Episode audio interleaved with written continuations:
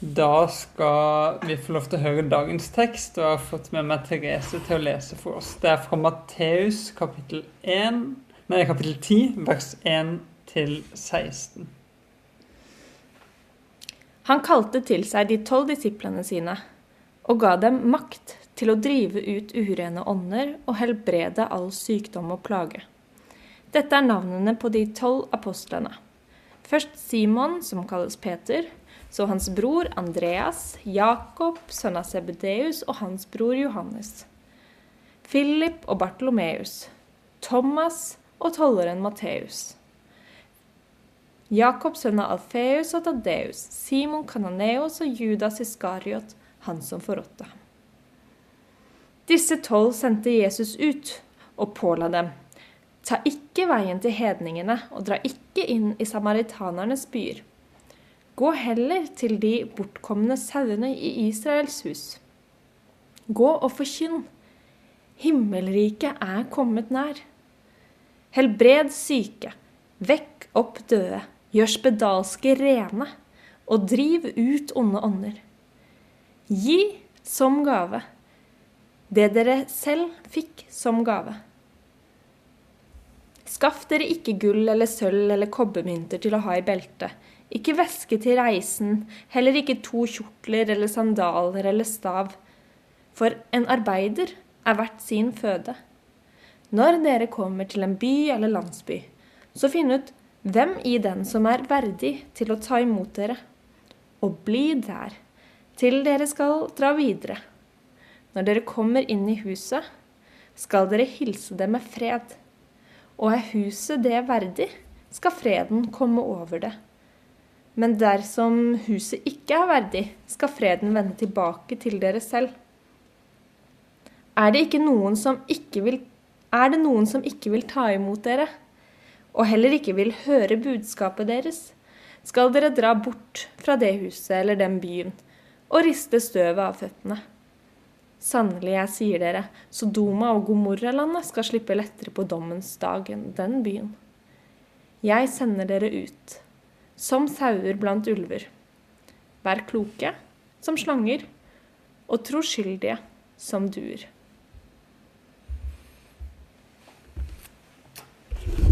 Takk, Therese. Jeg ber en bønn før jeg fortsetter. Gud, takk for det ordet fra Jesus som vi fikk høre nå. Jeg ber om at det må få lov til å slå rot i våre hjerter og våre liv. At det må få lov til å bære frykt. I Jesu navn. Amen. Gi som gave det dere fikk som gave. Gi det videre. Det er overskriften for undervisninga i mars, som skal handle om takknemlig raushet. I januar og februar så vendte vi blikket innover. Vi så på Guds nærvær i oss, og på hvordan det er å leve i en verden full av skjermer. Nå skal vi vende blikket utover og snakke om hva vi kan gjøre for andre. Gi det videre. Pay It Forward. Har du sett den filmen? Der møter vi den lille gutten Trevor. På skolen får klassen hans i oppgave å finne en idé til hvordan en kan skape et bedre samfunn. Og så skal de sette den ideen ut i livet. Trevor sin idé er dette. Jeg vil gjøre en god gjerning mot tre personer, men det må være noe skikkelig stort, noe de ikke kan klare å gjøre for seg sjøl. Og i stedet for at de skal gjøre noe godt tilbake mot meg, skal jeg si at de må gjøre noe godt mot tre nye personer. Og sånn kan vi starte en bevegelse. Der vi gir det videre. Eller som Jesus kanskje ville sagt Gi som gave det dere fikk som gave. Egentlig ligner Guds rike litt på denne filmen, Pay It Forward. Nå tenker du kanskje at den filmen høres jo litt ut som en sånn naiv solskinnshistorie. Men hvis du faktisk ser den, vil du oppdage at det å leve i raushet kan koste deg mye. Det koster masse for Trevor, og sånn var det også for Jesus. Det koster vanvittig mye for han å være raus, og sånn kan det noen ganger også være for oss. Men det er vel verdt å prøve likevel? Er det ikke det? I teksten vi nettopp hørte, så ser vi dette. at det koster. Og jeg har tenkt å bruke undervisninga i dag til å gå gjennom denne teksten sammen med dere.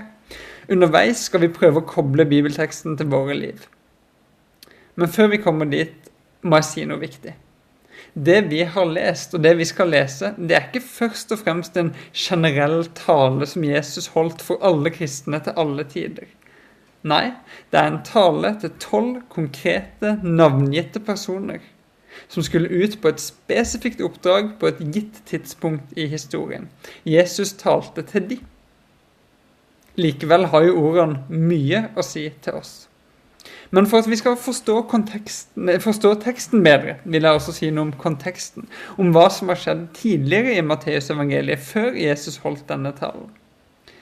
Fra og med kapittel 4 kan vi lese at Jesus begynte sitt oppdrag ved å forkynne 'venn om', for himmelriket er kommet nær. Hva betyr det? At himmelriket er kommet nær? Eller Guds rike, som det heter hos Markus, Lukas og Johannes. Himmelriket er kommet nær, sa Jesus. Og kort forklart betyr det at Gud, som allerede er konge i himmelen, nå også er blitt konge på jorda. Her vil han bruke sin kongsmakt til å sette mennesker fri. I Matteus kan du se dette gjennom måten Jesus møtte mennesker på. Han løste de fra det som bandt de, han helbreda de for sykdommer og inviterte de til å følge ham og leve på nye måter. Og folk de flokka seg rundt Jesus. De trengte seg på, og han tok imot alle. For et rike, ja også himmelriket, det trenger jo innbyggere. Hva er vel et land uten et folk? Himmelrikets innbyggere de kalte Jesus for disipler. Disippel betyr lærling, og disiplene var mange. De lytta til Jesus, lærte av han og øvde seg på å leve som han. Jesus viste de et annerledes liv. Vend om, sa han. Snu dere rundt, lev heller på denne måten. For i himmelriket, der har vi andre verdier enn de du finner på jorda. Kanskje har du lest bergprekenen som står i Matteusevangeliet. Den handler om hvordan man kan leve dette livet. Da Jesus kom til jorda, kom også himmelriket nær. Da ble Gud konge. Mennesker ble satt fri, og folk vendte om for å leve nye liv. Himmelriket kom nær. Og det er fortsatt her. Og vi er invitert til å være med til å være disipler, til å være innbyggere i dette riket. Vi er disipler nå, og de som vi leste om, var disipler da. Blant den store flokken av disipler så valgte Jesus ut tolv som han ville investere ekstra mye i. Og med det kommer vi til teksten. Vi leser fra Matteus 10, vers 1.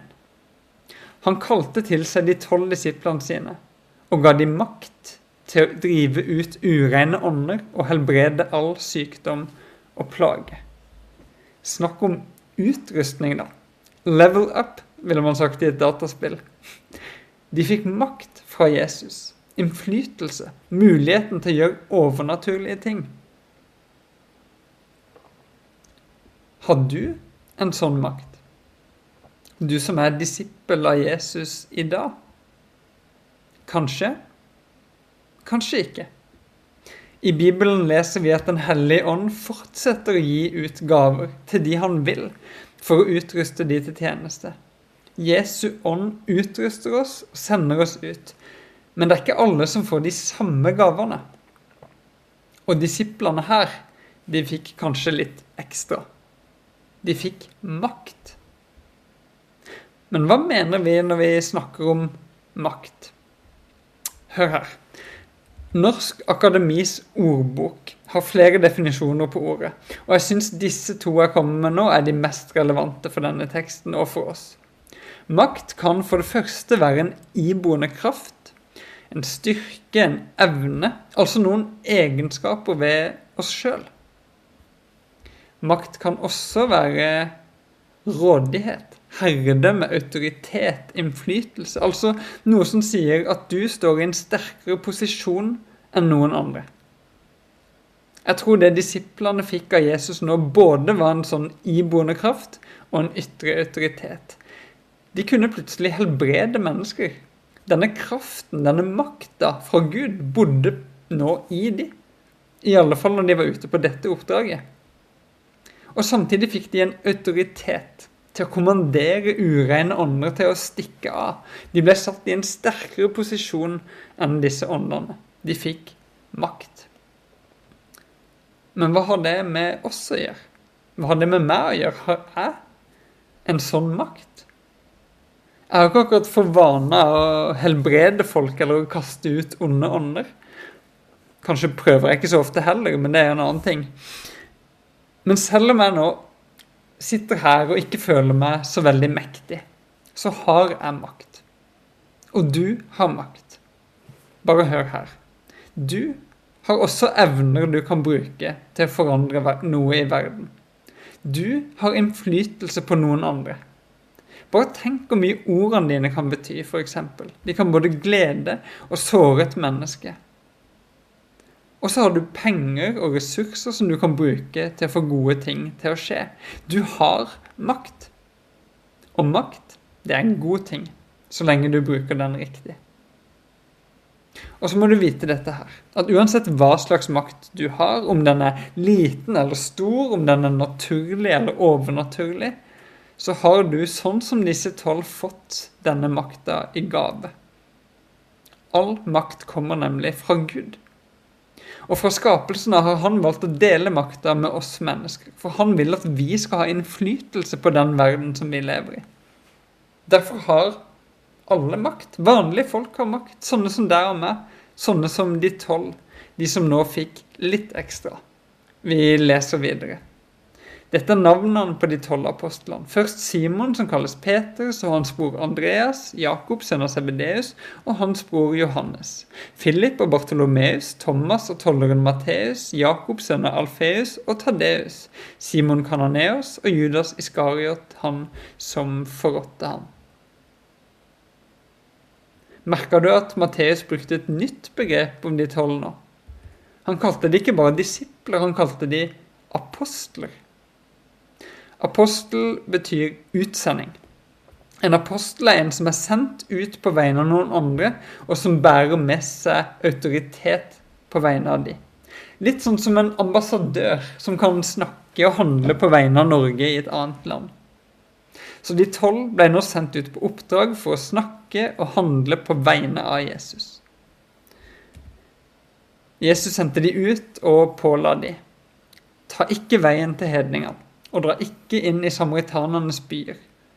Gå heller til de bortkomne sauene i Israels hus. Ok, det her må vi stoppe litt opp ved. Skulle de bare gå til israelittene? Er ikke det litt sånn nasjonalistisk? Det kan jo virke sånn når vi leser det her ut av sin sammenheng. Men i resten av Matteusevangeliet så kan du se at Jesus virkelig brydde seg om både samaritaner og hedninger.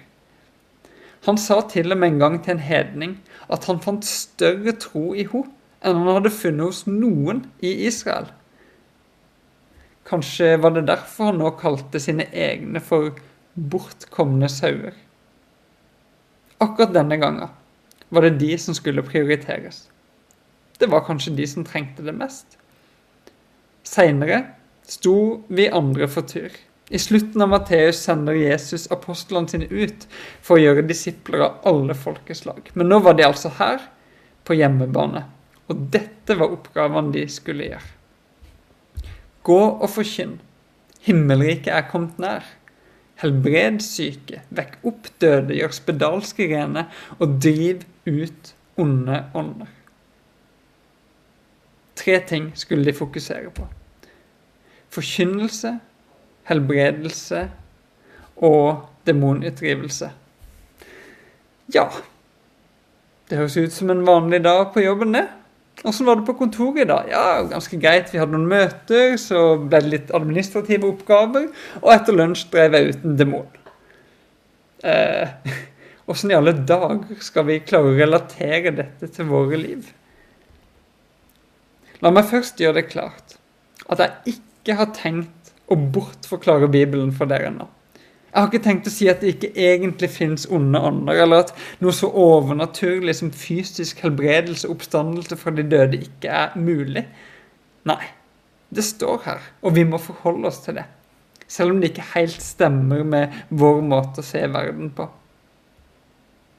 Men samtidig så trenger vi noen broer. Noe som kan hjelpe oss å ta disse ordene ut av Israel i år 30 og inn i Norge i 2021. Inn i våre liv. Til det så trenger jeg litt hjelp, og den finner jeg da hos en forfatter jeg har sitert her mange ganger før, nemlig Magnus Malm. Og denne gangen er det fra boka 'Fri til å tjene'. Malm skriver der at det fins tre områder i alle menneskers liv som nærmest skriker etter en frelser. Disse tre er synd, sår og bindinger. Og disse henger faktisk sammen med de oppgavene som apostlene fikk i teksten vi har lest. Synd, det må møtes med forkynnelse og omvendelse. Når Jesus og apostlene roper ut 'Venn om, for himmelriket er kommet nær', så er det en invitasjon til å legge synden bak deg. Til å endre retning, til å leve på en annerledes måte. Og samtidig er det en invitasjon til å ta imot tilgivelse. Til å vende deg mot Jesus og la det han gjorde på korset, bli det som bærer ditt liv. Til å leve i nåde. La meg spørre, er det noe synd i livet ditt som du trenger å ta med til Jesus? Vit da at han står klar til å ta deg imot med åpne armer. Han vil gi deg nåde, han vil gi deg liv. Sår er det neste på lista. Sår må møtes med helbredelse. Og ja, dette kan handle om fysisk helbredelse, som det gjør i den teksten vi har lest. Og vi ser eksempler på at det kan skje også i dag. Men Malm skriver her noe viktig. Hvis vi et lite øyeblikk løfter blikket fra fysisk helbredelse, fornemmer vi hvor mye vi styres av våre ulegede sår, skriver han. Så lenge vi ikke tar disse sårene på alvor og søker hjelp hos Gud og mennesker for å finne legedom, vil de drive oss på flukt i andre retninger enn de vi innerst inne ønsker å gå. Så la meg spørre, fins det noen sår inni deg som du ønsker at Jesus skal helbrede? Og vet du om noen mennesker du kan oppsøke for å få hjelp til akkurat det? Jesus lengter etter å helbrede deg. Siste ord bindinger. Det er det ordet Malm velger å sette i sammenheng med de onde åndene. Og nå syns jeg det blir spennende. Malm skriver nemlig det at i Det nye testamentet finner vi ulike uttrykk for disse åndskreftene herskere, makter, krefter, herredømme osv. Og så forklarer han at det bibelske verdensbildet at i det bibelske verdensbildet så finnes det faktisk ingen klar forskjell mellom åndelige vesener og materielle krefter. Tenk bare på Jesus, åssen han gir pengemakta et navn. Han kaller han for mammon. Og så advarer han oss mot å elske penger så høyt at vi blir bundet til dem som en avgud, som en demon, som en person. Magnus Malm mener det at vi her i Vesten har skapt store problemer for oss sjøl når vi har skilt det åndelige og fysiske så tydelig fra hverandre. Og han skriver Enten tror vi det kun handler om demoner i åndelig forstand, eller så er det utelukkende krefter i politisk, økonomisk eller kulturell forstand. Og kreftene lurer oss hver gang. Malm påpeker det, nå siterer jeg, at i vår ryddige tilværelse, der vi har renska bort alle demoner, så kommer de onde maktene naturligvis tilbake, i skikkelser vi ikke er forberedt på å tolke som onde krefter. Det holder kanskje å ramse opp noen helt vanlige ord, sier han.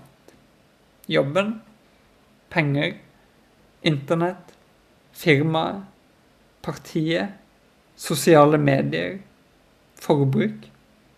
Og deretter skriver Malm, kan vi stille oss sjøl to enkle spørsmål.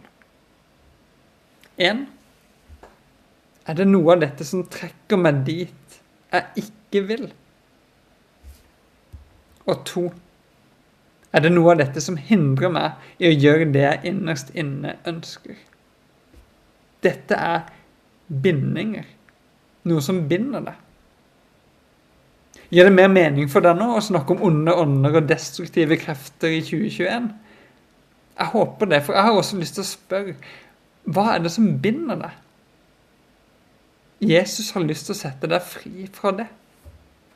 Og hvilke destruktive krefter har du gitt plass i ditt liv? Jesus ønsker å drive disse kreftene ut for din skyld.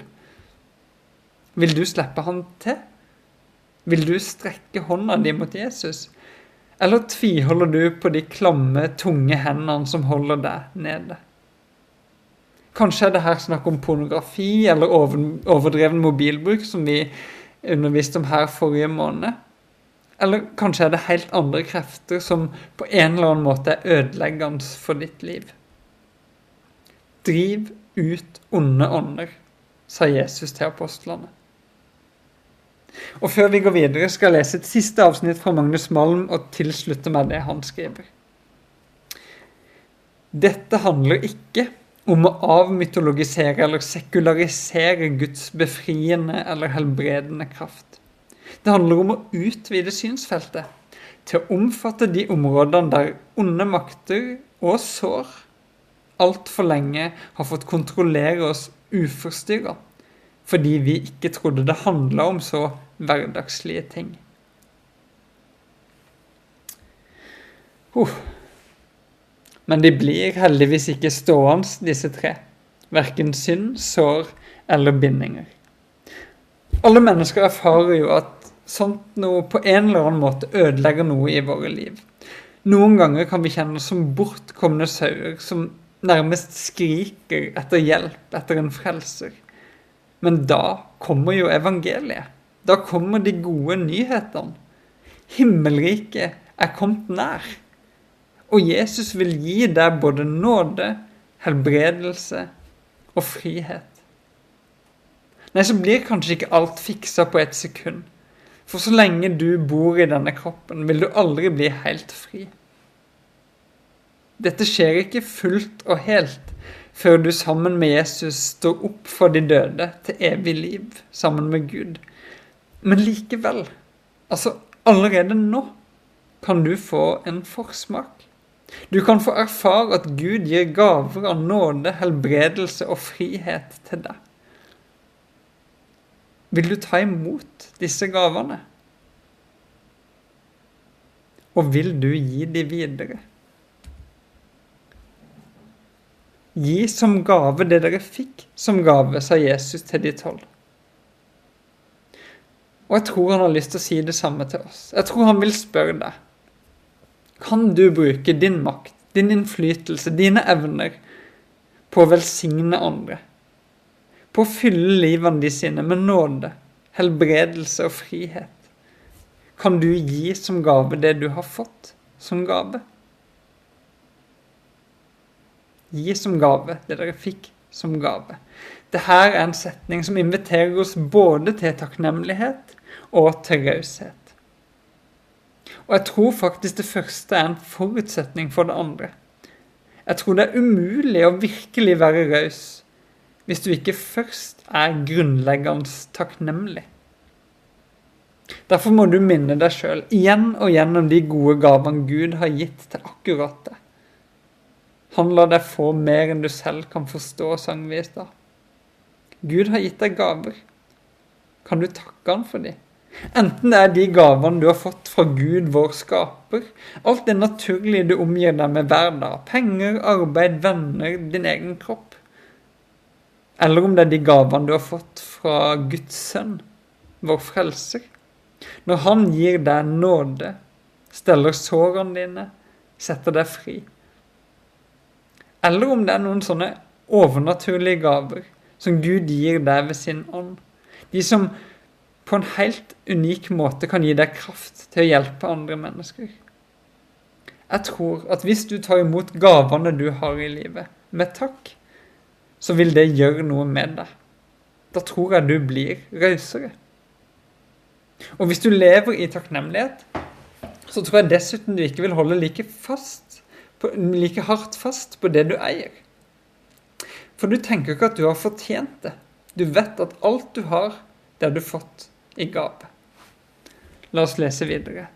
Jesus sa, skaff dere ikke gull eller sølv eller kobbermynter til å ha i beltet. Ikke væske til reisen, heller ikke to kjortler eller sandaler eller stav, for en arbeider er verdt sin føde. Ganske spartansk, ikke sant? Jeg tenker at Jesus valgte å sende ut apostlene sine på denne måten fordi han visste at Gud var med dem på reisen, at Gud ville forsørge de. Og så kanskje trengte apostlene sjøl å lære dette, og lære å stole på ham. Har du lært deg det? Vet du at Gud er med deg på reisa også? For det er sant. Gud er med oss. Hvis vi prøver å gripe dette her, at Gud er med oss, og hvis vi samtidig lar takknemlighet til Gud være grunntonen i våre liv, noe vi gjør igjen og igjen, og takke, da tror jeg at det kan føre til en litt enklere livsstil også hos oss. Vi trenger lite. For vi vet at vi allerede har alt hos Gud. Og det vi får, det vil vi gjerne dele videre med andre. Takknemlig raushet har jeg valgt å kalle dette her. Tenk for en fantastisk måte å leve på. En solskinnshistorie. Eller er det egentlig det? Det kan vel ikke være så enkelt? Det er jo ikke sånn at så lenge du er raus og takknemlig, så kommer livet ditt til å gå på skinner, og hele verden blir forvandla til et godt sted uten at du får en eneste skramme på veien, for Gud er med. Nei, det er jo ikke sånn. Din raushet vil ikke alltid møtes med vennlighet og godhet i denne verden. Du kan bli møtt med utnyttelse, eller bare ikke møtt i det hele tatt. Det her var Jesus selvfølgelig klar over. Han var ikke naiv, så han forklarte disiplene sine dette. Når dere kommer til en by eller landsby, så finn ut hvem i den som er verdig til å ta imot dere, og bli der til dere skal dra videre. Når dere kommer inn i huset, skal dere hilse dem med fred. Ja, dette er utgangspunktet, både for apostlene og for oss, at vi skal møte mennesker med fred. At vi skal møte dem med en antakelse om at de vil oss vel, at de vil ta imot oss. Men samtidig må vi vite dette, at det er ikke alltid det skjer. Så derfor sier Jesus Og er huset det verdig, skal freden komme over det. Men dersom huset ikke er det verdig, skal freden vende tilbake til dere sjøl. Jesus visste det, at det fantes noen sånne bortkomne sauer i Israel som var kommet så langt bort at de ikke ville kjenne igjen Guds godhet når den kom til dem gjennom apostlene. Sånne som ikke ville ta imot budskapet om at himmelriket var nær. Som ikke ville møte fred med fred. Kanskje til og med noen som kunne komme til å skade apostlene. Slike mennesker kan vi også møte i dag, som ikke er ute etter å møte vår fred med fred, men heller vil skade oss. Og da er det lov å stikke av. Jesus sa, er det noen som ikke vil ta imot dere, og heller ikke vil høre budskapet deres, skal dere dra bort fra det huset, eller den byen, og riste støvet av føttene. Med de instruksjonene her så beskytter Jesus de han sender ut. Han vil jo ikke at de skal ødelegges. Ja, for selv om utgangs, han i utgangspunktet utfordrer de tolv til å være sjenerøse og selvutgivende, så ber han de samtidig om å ta vare på seg sjøl. Ok, vi skal lese videre, og nå kommer vi til enda en sånn setning som er vanskelig for oss moderne, høflige, ryddige mennesker å høre på. Jesus sier Sannelig, jeg sier dere, Sodoma og Gomorralandet skal slippe lettere på dommens dag enn denne byen. Altså byen med de menneskene som ikke møtte fred med fred. Jesus bruker ofte sånne harde ord, og vi liker ikke å høre det. Vi liker ikke å tenke på at Gud skal dømme verden. Men han skal det. Og det ubehaget vi får når vi hører budskapet om dommen, det er egentlig et moderne og vestlig fenomen. For det er ikke alle som kjenner på et sånt ubehag. Husk at det finnes millioner av mennesker som lever i undertrykkelse og nød pga. andre menneskers ondskap og grådighet. For mange av disse så er det en stor trøst å vite at Gud en dag skal dømme verden rettferdig. Dette er jo så klart noe de lengter etter. Og så tror jeg også det er bra for oss å vite at Gud en dag skal dømme.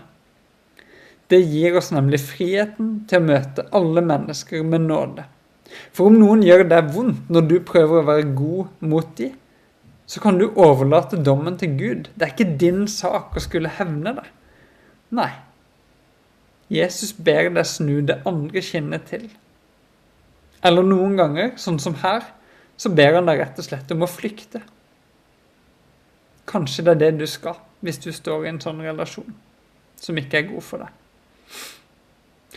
Til slutt, i dagens tekst, så oppsummerer Jesus. Jeg sender dere ut som sauer blant ulver.